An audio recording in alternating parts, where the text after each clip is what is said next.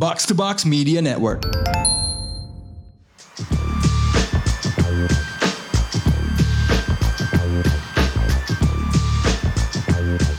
What up, what up? You're now listening to the most valuable basketball podcast in Indonesia. Box Out is in the house. Atau mungkin hari ini namanya bukan Box Out kali ya.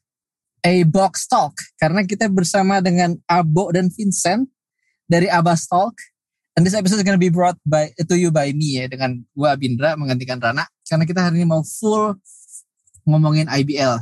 Jadi what up Abo and Vincent? Apa kabar kalian? Halo, Hey, baik, what up, what up?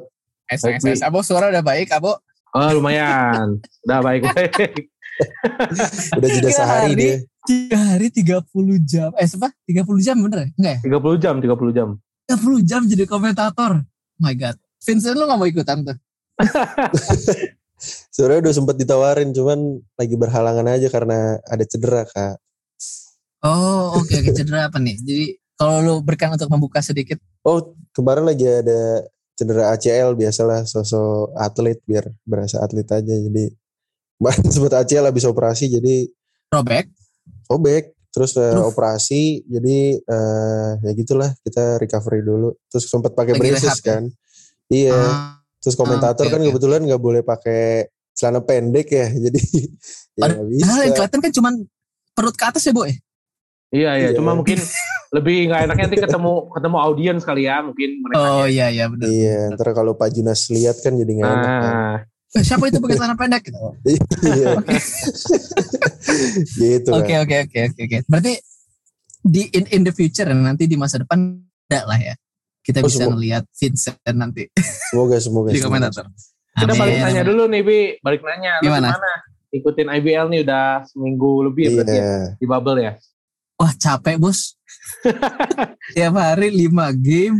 Kayak gue bilang tadi kayak gue gue aja nonton di rumah ya capek gitu ya kayak apalagi pertandingannya pun seru kan banyak yang either buzzer beater lah close Bener. game Iya kan gue gak kebayang lu komentatorin 30 jam di tiga hari Iya. my god it must be super exhausting sih tapi in bersyukur lah gue mengikuti karena jujur full clo- disclosure gue ini baru tahun pertama ngikutin full gitu ya Iya, iya. dan gue merasa wah this is a really really fun and entertaining league gitu.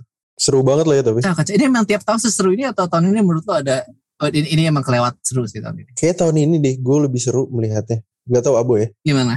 Iya, iya. Tahun tahun lalu juga seru. Cuma tahun lalu tuh kan nggak ada pemain asing ya. Jadi secara Hmm, eh, eh, secara dominasi mungkin kalau Satria Muda udah ketemu tim-tim kecil udah pasti menang gitu kan. Tapi sekarang ada Benar. pemain asing jadinya lebih apa ya lebih lebih adil aja sih gitu dan eh, pengaturan pemain asingnya pun lebih jelas kan. Kalau dua tahun lalu tuh misalnya ada dua pemain asing boleh di lapangan. Kalau sekarang kan ganti-gantian tuh mereka. Jadi agak ada lebih ya lebih stabil Half lah ya? gitu. Ya Hmm, hmm. gitu. Oke, oke, that's nice. Dan maksud gue ya bersyukur lah mungkin gue enak apa mendapatkan enaknya di ujung ya. Jadi kalau kayak gitu berarti. Oke, cool. Um, kita udah intro, kita udah ngomongin sedikit tentang masing-masing. So let's just ini ya masuk ke topiknya ya. Ini di beberapa game terakhir apa yang menurut lu bisa menarik di take away nih, Bo sama Vincent? Ya eh, mungkin gue melihat eh, apa ya. Ada eh, Pelita Jaya sebenarnya yang eh, di di eh, beberapa game terakhir tuh mereka menunjukkan eh, kekuatan mereka dengan dua big man-nya yang sangat eh, strong defense gitu. Gue melihat PJ mulai hot lagi sebenarnya walaupun walaupun di game terakhir ketika melawan Evos tuh dia agak struggling cuman terakhir-terakhir mungkin eh, mereka bisa bisa tetap step up ya. Cuman ya gue melihat eh, PJ masih eh, superior ya dengan satu kali kekala- kekalahan dan eh, bisa jadi kontender sih gue melihatnya. Eh, Hmm.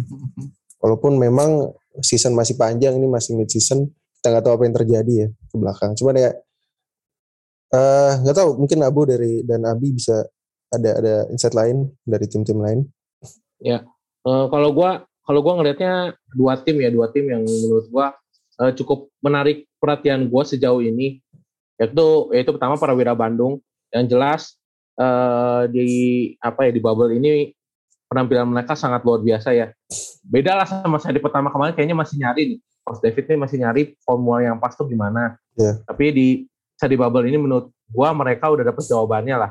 Tinggal gimana eh, caranya Coach David ini bongkar pasang aja nih siapa yang mau di rolling gitu kan. Kalau ini Hmm, hmm, mereka, hmm, hmm. mereka secara squad kan dalam banget gitu. Jadi Galang tuh bakal main bakal main nanti lawan siapa gitu kan. Soalnya Iya. Galang kan nggak bisa tuh kalau misalnya ngikutin cara mainnya Prawira yang sekarang kan. Nah, iya iya iya. iya. Yang cepet banget tuh kayaknya Galang nggak akan bisa. Dia nggak akan main sampai ketemu matchup yang modelan Diolohon nah gitu baru Hmm. dia main tuh.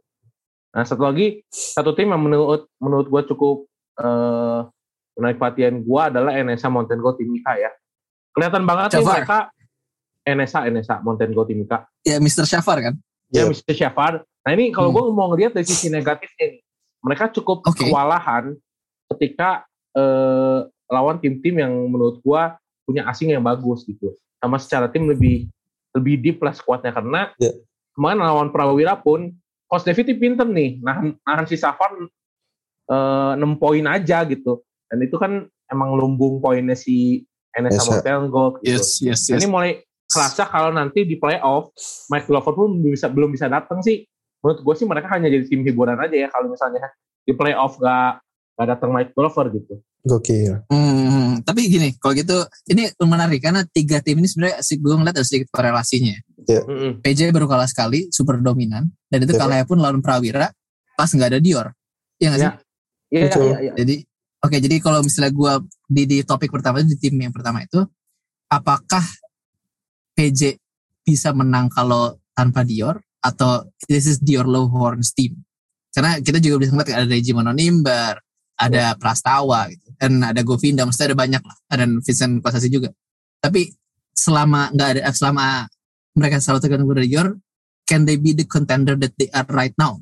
Sebenarnya bisa sih kalau mereka fokus in every quarter karena gue melihat ketika melawan Evos kemarin sempat kekejar tuh eh, mhm. poinnya. Dan gue melihat sih mereka nggak nggak fokus aja sih. Eh, dan eh, coach Ito juga pastinya menyadari itu karena dia pelatih yang cukup eh, profesional ya. Dan dia eh, cukup bisa menangani beberapa tim yang dengan baik. Tapi eh kalau kalau mereka bisa fokus di setiap quarternya gue rasa bisa. Dan eh, tanpa Dio Lohon eh, mengandalkan Vincent Kosasi juga cukup oke dengan eh, pemain pemain eh, guardnya juga yang yang gue rasa cukup konsisten dan di bench bench playernya juga eh, masih oke lah sejauh ini asal asal eh, eh, Pelita, Pelita Jaya tidak banyak pemain yang cedera itu aja sih kalau gue melihat Hmm.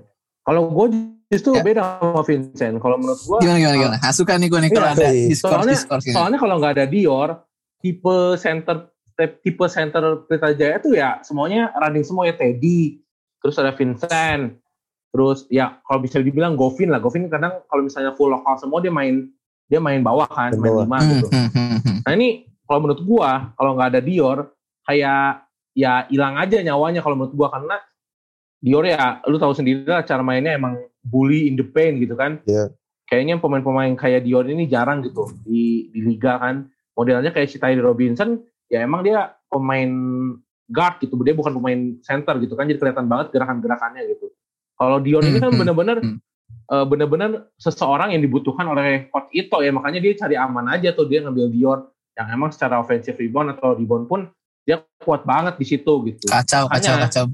makanya Kalau udah kalau mis- parkir tuh nggak bisa di digerakin di bawah gitu. iya makanya kalau udah zone tuh susah tuh Iya, Kacau. makanya nanti kalau misalnya ini kita langsung nyebut aja, misalnya calon final nanti ketemu Satria Muda misalnya gitu, Ya. mereka bakal ketemu Elia Foster, wah itu sih berat, karena Elia Foster pun salah satu pemain yang dominan di paint gitu, itu dia dan Vincent Hmm. pun kan bukan tipe tipe pemain yang eh, secara rebound banyak gitu, Vincent Kosasi gitu kan, dia kan Iya lebih, dia finesse center lah ya lebih iya lebih luwes lah.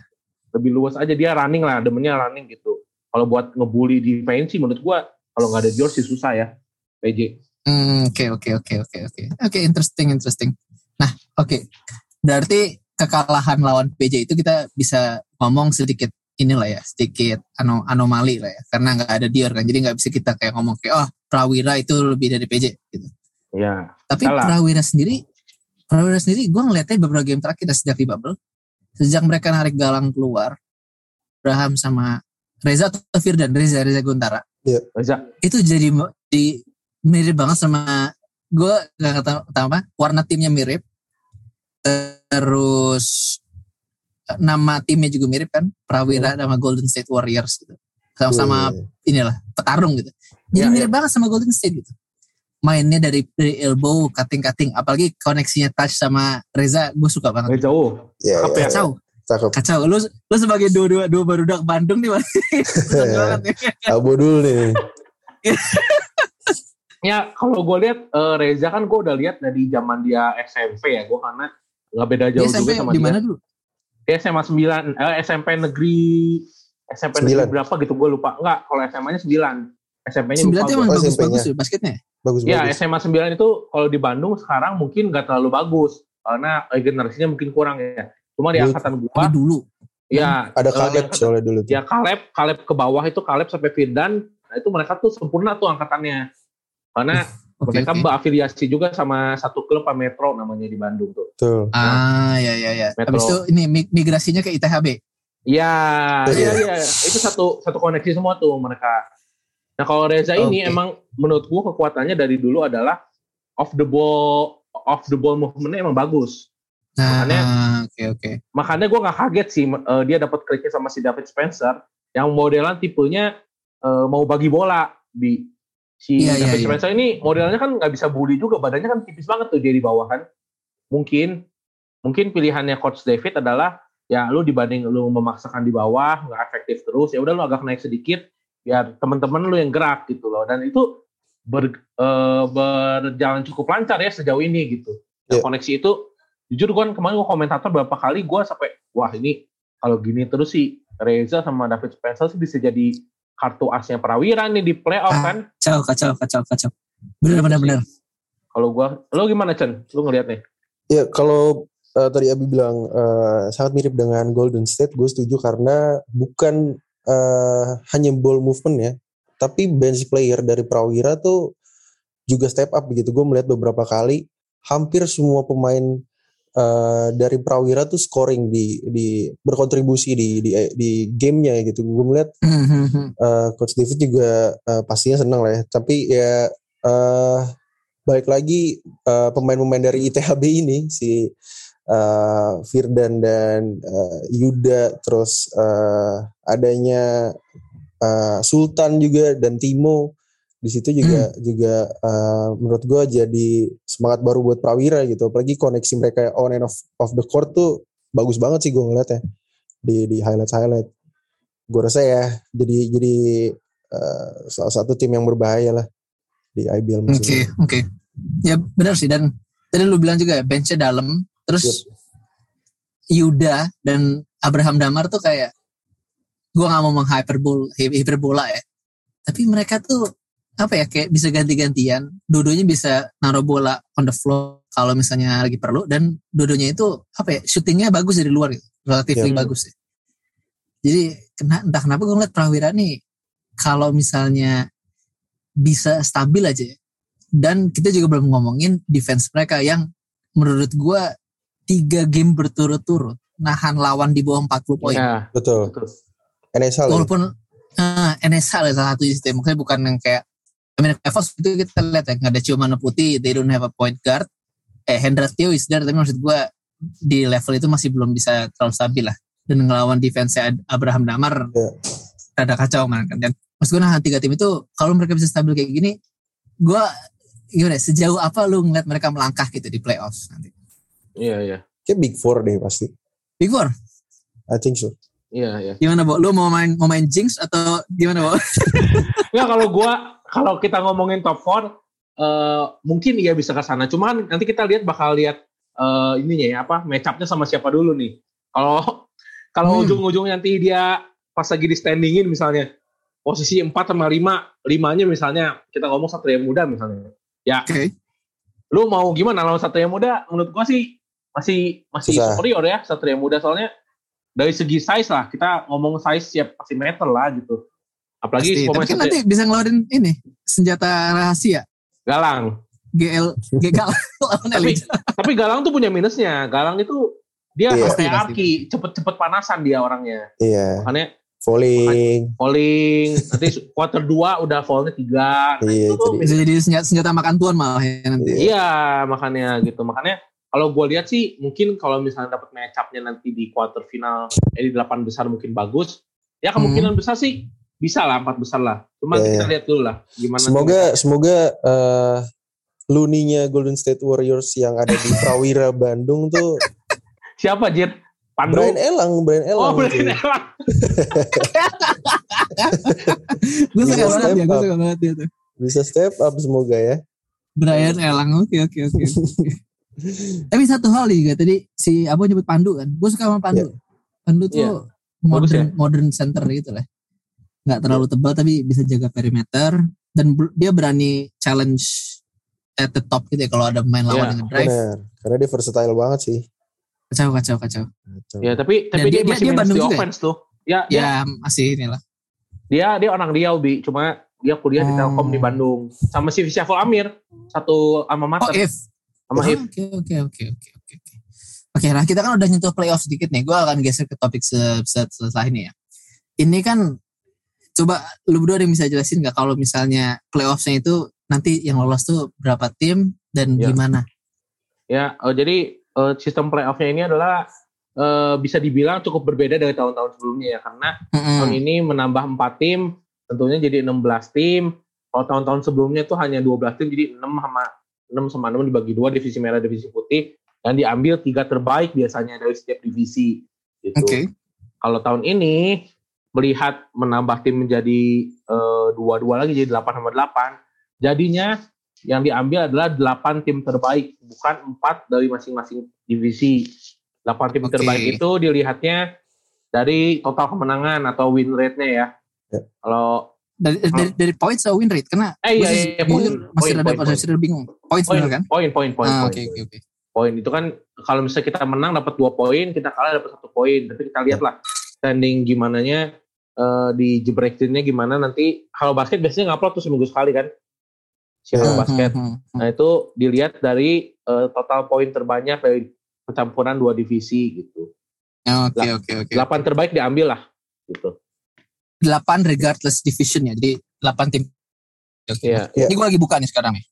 Nomor satu PJ 27 Oh, poin. dari poin dari poin ya. Ya dari PJ. poin. Ya, nomor 2 SM, nomor tiganya itu eh, NSH. NSH. Eh, Dan itu bertiga 27 tuh. Gue gak ngerti nanti tiebreakernya gimana ya. Walaupun si PJ udah pasti naik sih karena mereka baru main 14 kali. Terus Iya. Prawira 25, Rans Rans Pick, Aki- Uncle Akim dan kawan-kawan Udah itu 16 kali 25. tapi dia, udah 16 kali main. 16 Oh kali. bener udah 16 ya. ya. Heeh. Eh, terus Dewa United itu 24, Amarta Ya. Hang Tuah 24. Satu dua tiga empat lima enam tujuh tujuh tujuh satu lagi. Tujuh, oh satu yang terakhir West Bandit. Iya. West Bandit yang naik turun naik turun. Oke. Di posisi 9 dan 10 itu ada Pacific Cesar, Houston Rockets-nya Indonesia ya dengan 3 poinnya yang mereka ambil itu. Dan Mirip itu. Juga Mirip itu, mirip Hakim itu. jenggotan mirip banget sama di lapangan. Iya, iya. Terus ada Bali United juga di 23 poin. Nah itu gue cut Iya. off-nya di situ lah. Karena gue belum ngeliat yang lain eh, Iya, bisa iya. Iya, iya, iya. dari let's say kita ambil yang posisi eh, 6, 7, 8, 9, 10 ini.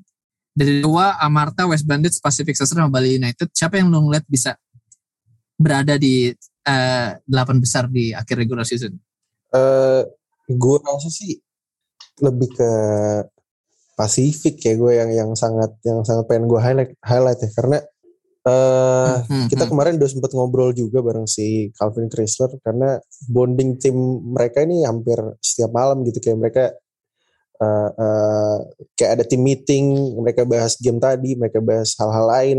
On off, and off the court tuh mereka punya komunikasi yang semakin baik ya eh, eh, di di bubble ini. Dan eh, walaupun tanpa Chrysler mereka masih masih masih oke lah.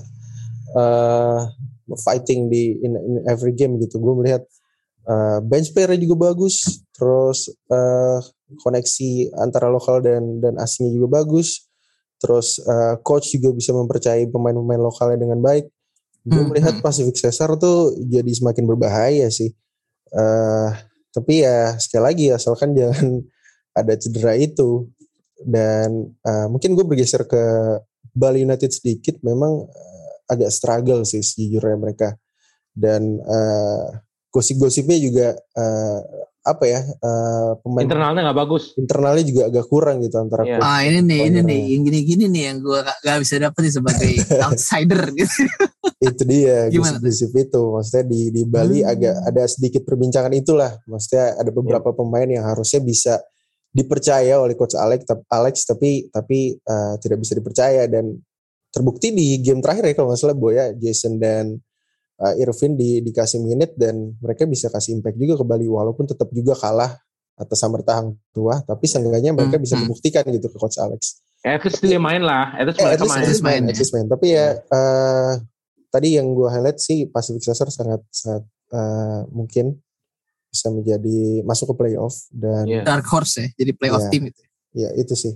Soalnya menarik Lu gimana Kalau Pasif, ya Pasifik Cesar tuh unggulnya selain pemain lokalnya yang lagi pada step up, dia punya pemain asing tuh bagus ya. Kesuai yeah. sama Hakim Elis tuh menurut gua dua pemain yang secara tipe mungkin berbeda, cuma setiap kali mereka bergantian, Pasifik itu agak eh, apa tidak terlalu jauh gitu gapnya ya.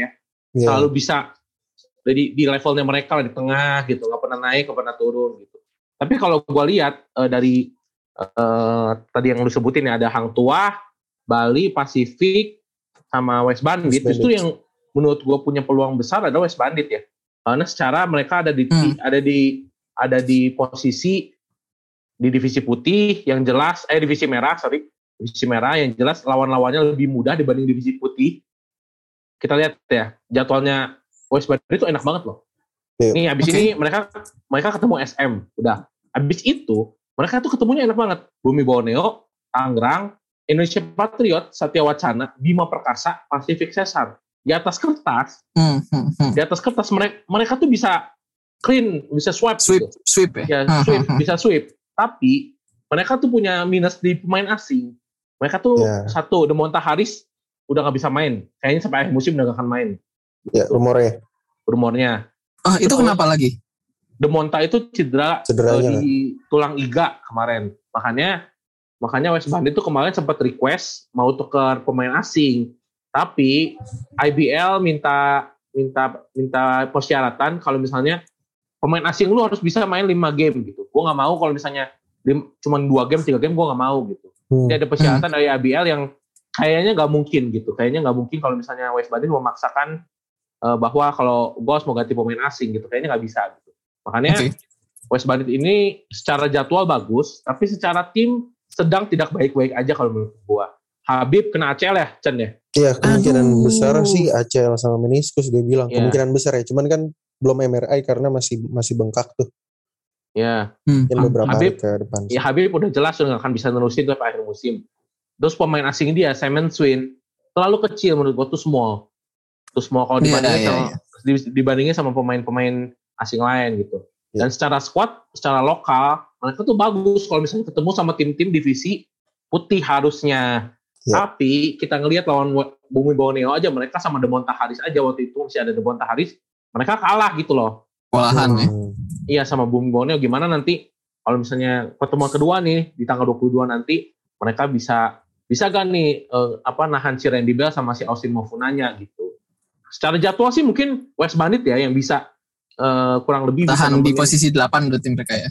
Iya dia delapan. Kalau gue sih udah sempet nyatet nih, enam tim mungkin udah pasti ya. Pelita Jaya, mm-hmm. Satria Muda, yeah. Prawira, Rans, NSA Mountain Gold, dan Dewa United. Gue sempet kemarin ngeraguin Dewa, Dewa. tapi kayaknya Dewa pasti masuk sih.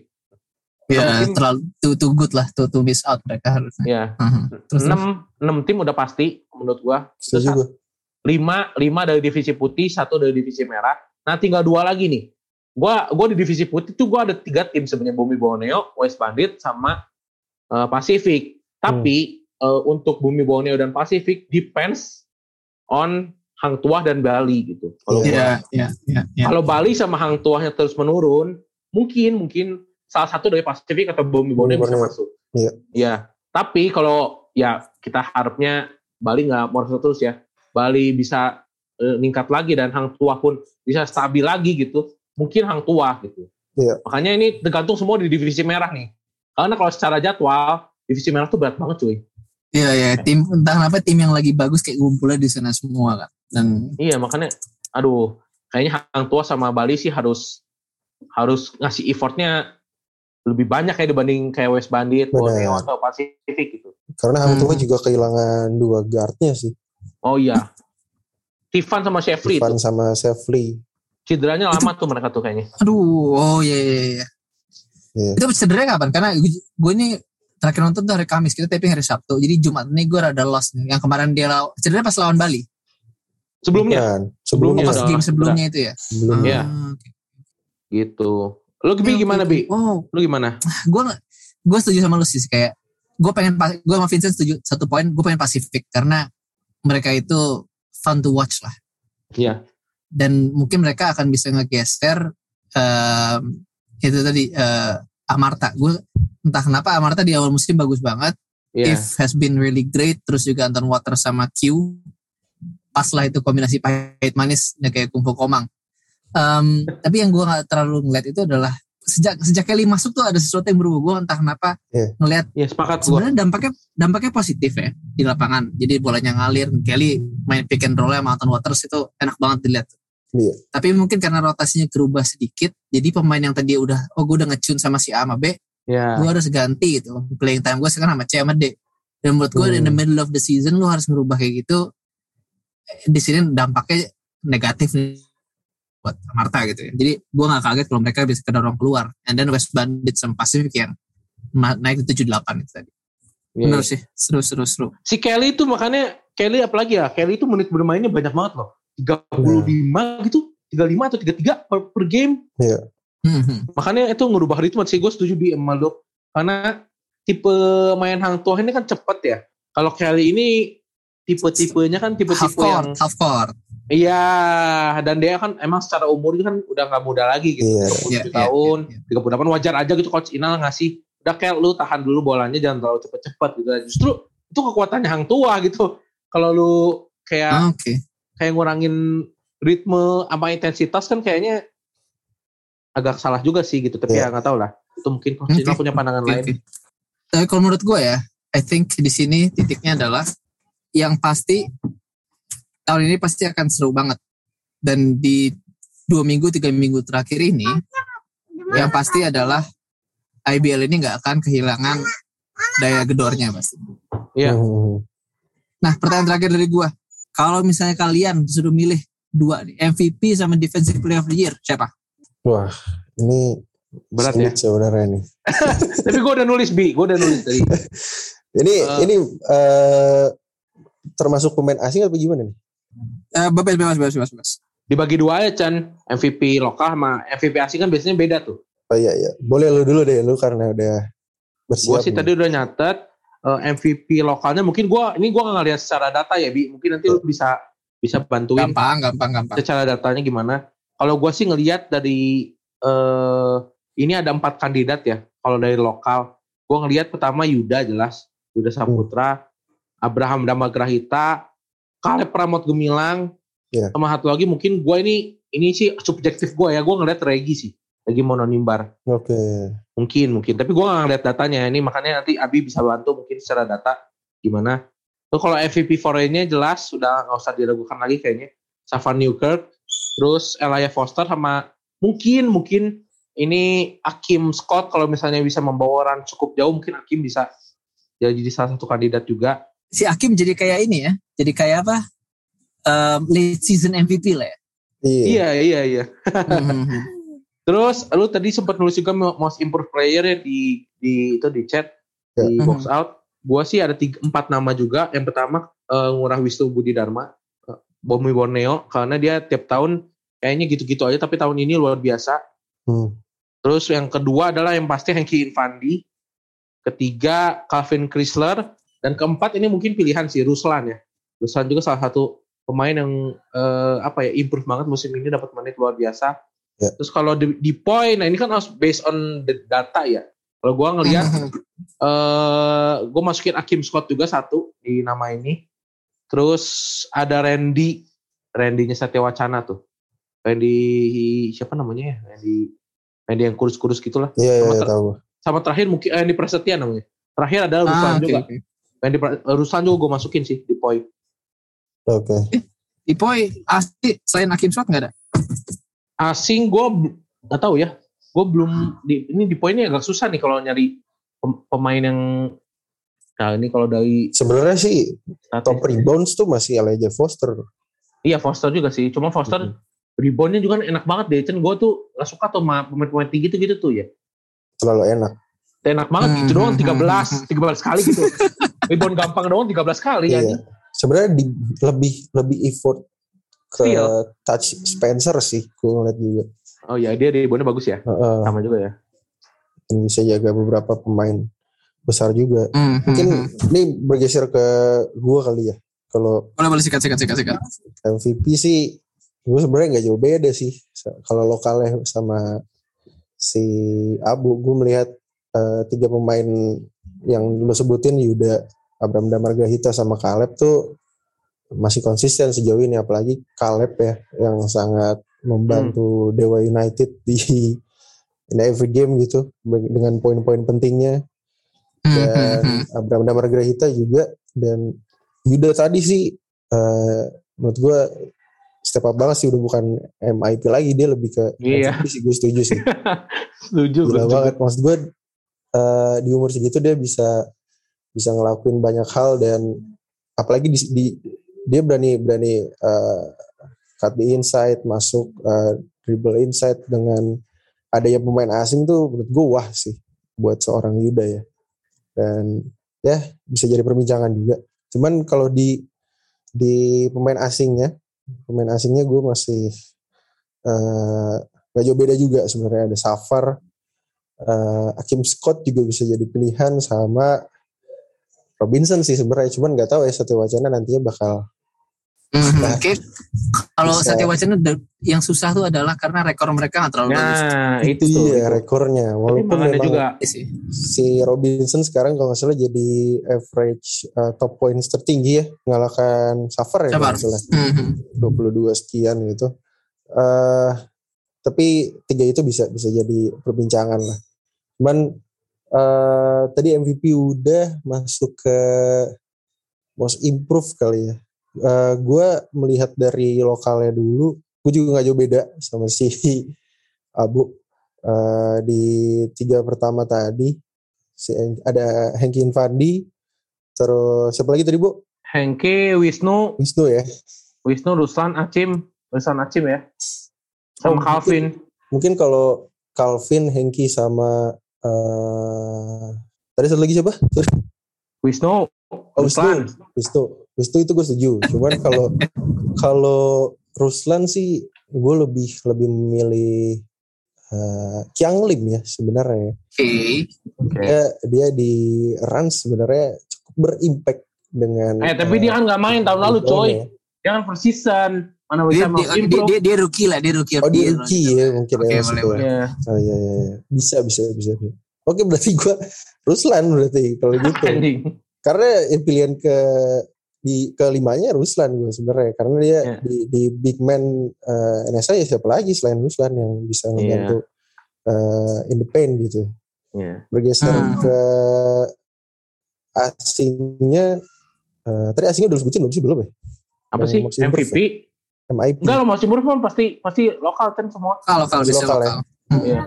Kalau oke doang. berarti ke defensive player ya. Mm. Kalau defensive player sih eh melihat dari stats Spencer juga bisa eh jadi perbincangan sama Elijah Foster walaupun ya tadi lo bilang reboundnya terlalu gampang. Tapi eh dua du- dua orang itu ditambah sama eh sama Jamal Robinson juga sebenarnya cukup oke lah ya dia di, di, di defense gue melihatnya. Mungkin Eh, Tyree itu, Tyree Robinson. Tyree Robinson cukup oke dengan kalau nggak salah reboundnya eh, average 9 kalau nggak salah sejauh ini di eh, every game. Cuman mungkin bergeser ke ke lokalnya, gue bersama juga ada si Ruslan sama yang dari Satya, salah tiga itu si, Si Randy, siapa? Si Randy Randy Prasetya. ditambah Dem Diakne sih. Mungkin gue bisa. Oh, boleh tuh. ini Itu interesting, boleh tuh. interesting, interesting. Itu boleh tuh, damai tuh. Dia menjaga beberapa pemain asing ya.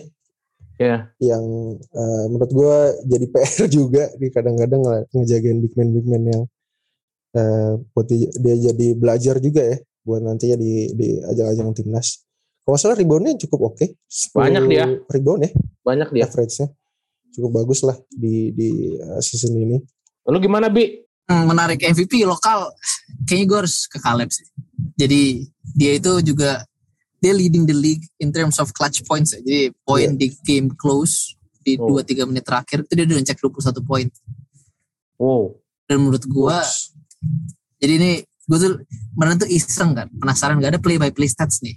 Sekarang di IBL kan masih yang stats yang biasa itu gue coba ngulik dan itu keliat bisa tapi dengan sedikit effort lu bisa ngeliat tuh kayak siapa yang pemain lebih banyak assisted dan siapa yang lebih banyak mencetak di clutch dan karena lu bisa nge-parsingnya by, by, by quarter by minutes gitu dan Caleb itu number one in terms of clutch points Oh iya ya. Wow. Ya kalau clutch emang si Caleb tuh gila juga ya. Gila banget ya kalau eh, maksud gue ada sedikit ini sih ada sedikit unsur di mana Dewa itu nggak bisa menjauh dari lawannya sehingga pertandingannya selalu ketat Iya iya. Iya iya. Iya maksud gue kayak Iya. ada pemain lain mungkin yang kalau dapat kesempatan di kelas bisa lebih baik tapi karena timnya jauh itu menang atau kalah jadi nggak dapat Oh. kelas jadi Ya ya ya. tapi MVP I think ya go to him sih nggak nggak susah karena mungkin kandidat kuat lainnya yang tadi lu bilang Yuda di awal musim eh, terus di, mulai di bubble jatuh If juga kan sempat flying high Hmm. sampai masuk nominasi timnas Eh, terus dia juga eh, di bubble sempat awalnya cedera terus belum dapat formnya lagi Iya. so I think in terms of consistency Caleb takes the cake lah for MVP terus defensive player yang menarik nih karena dari dari nama yang selalu keluar kan Tyree dia itu satu-satu pemain di IBL yang average 2 blok sama 2 steal per game Iya iya. Hmm. Dan tadi lu bilang kayaknya karena dia juga dulu mainnya sebagai guard kan atau forward lah yang mungkin di di hidup kehidupan sebelumnya sebelum IBL Iya. ke sini dia ditransformasi jadi pemain 4 Nah itu susah atau ya. bahkan lima kadang-kadang. So I Mhm. think menarik sih dan yang menarik dari Satya Wacana juga dia ada satu pemain itu yang gue lihat defense ini one of the best on ball defense yang pernah gue lihat ya. Hmm. Valentino Aldi. Aldi ya. itu kalau gue ngelawan pemain basket kayak gitu gue kesel sih. Iya iya. Itu definisi in your ini Patrick Beverly Indonesia tuh. Oke. in your face defense Oke. itu Aldi Valentino dan mungkin dengan ada pressure dari Aldi Valentino juga itu ngebuat eh Tyree bisa cutting path passing lanes karena ball handler lawan ke, Ya. keganggu kan. Iya iya. dia menurut gua kalau defensive player mungkin bisa dia atau seorang pemain asing dari Bali United which is Kendall Yancy yang menurut gue juga Bagus ya. komplit bagus lah dan Setuju. ya walaupun dia one dimensional ya defense doang offense masih sedikit naik turun naik turun lah jadi Mhm. itu pick gua MIP ini gue susah karena sejujurnya yang gue bilang tadi di awal tapi denger denger dari juga ngomong eh, di ini ya di komentar kemarin Henky Infandi tahun lalu emang kayak gimana mainnya Eh Hengki tuh tahun lalu sebenarnya udah better juga, udah nggak jauh beda sama tahun inilah. Kalau ngomongin Hengki Ya, oke. karena tahun ini dia better banget, tapi tahun lalu juga dia nggak jelek-jelek amat. Eh tapi Hengki yang dulu pas zaman di Garuda, gua sih salah satu fans yang mungkin nggak akan nyangka ya dia bisa sebagus ini gitu. Karena Iya, iya. ini gue sih eh, bukan mengecilkan apa talenta dari pemain Papua gitu. Hmm. Tapi biasanya pemain-pemain dari Papua itu jarang yang bisa bertahan lama di liga gitu. Dan Setuju. oke dan jarang jarang bisa apa ya mencolok lah kasarnya gitu kayak kayak Hengki Lakai gitu. Kita nyebut Hengki Lakai kan pemain yang paling oke sekarang dari Papua gitu. Hengki ini eh, dulu juga dibayang-bayang Cio sama Andre Adriano dan David Nuban gitu. Dia nggak pernah jadi pemain utama gitu dalam tanda kutip ya, pemain utama yang paling mencolok gitu. Hmm. Hengki Infandi apalagi gitu. Dia mau tarung sama siapa dulu di guard di Garuda? Dia mau tarung sama si eh, Difta mau tarung sama Itun gitu kan. Udah udah kalah gitu kelasnya gitu. Tapi kita lihat Hengki di NSA tahun ini sih dia nembak tiganya sih yang gue lihat anjir Naik ya? orang Itu dia. gila gila sih nembak tiganya malah jadi kayak masuk terus gitu ini Iya. orang kayak beda aja gitu ny- nyawanya gitu kayak abis nembak juga nggak ada ekspresi gitu kan nembaknya juga bagus gitu loh oh, apa sih follow through-nya bagus gitu Iya, iya. beberapa beberapa pemain juga bilang eh, Hengki in in defense tuh nggak berubah maksudnya asal di ya dan eh, stylenya juga bagus tapi ya di offense dia step up banget sih. Iya iya, setuju gue. Hmm, hmm, hmm. Oke, jadi karena itu gue gue dari Hengki itu gue pengen tahu sebelumnya. Kalau If gimana? Karena ini gua, menurut gue antara Hengki sama If nih. Iya. Apakah If tahun lalu udah kayak gini? Kan tahun lalu di kalau gue tahu juga di Hang Tuhan ada Abraham Enas guardnya. Iya iya iya. If if mungkin baru tahun lalu juga ya Chen ya, baru bersinar ya. Boleh Iya. dibilang ya. Bisa dibilang gitu sih.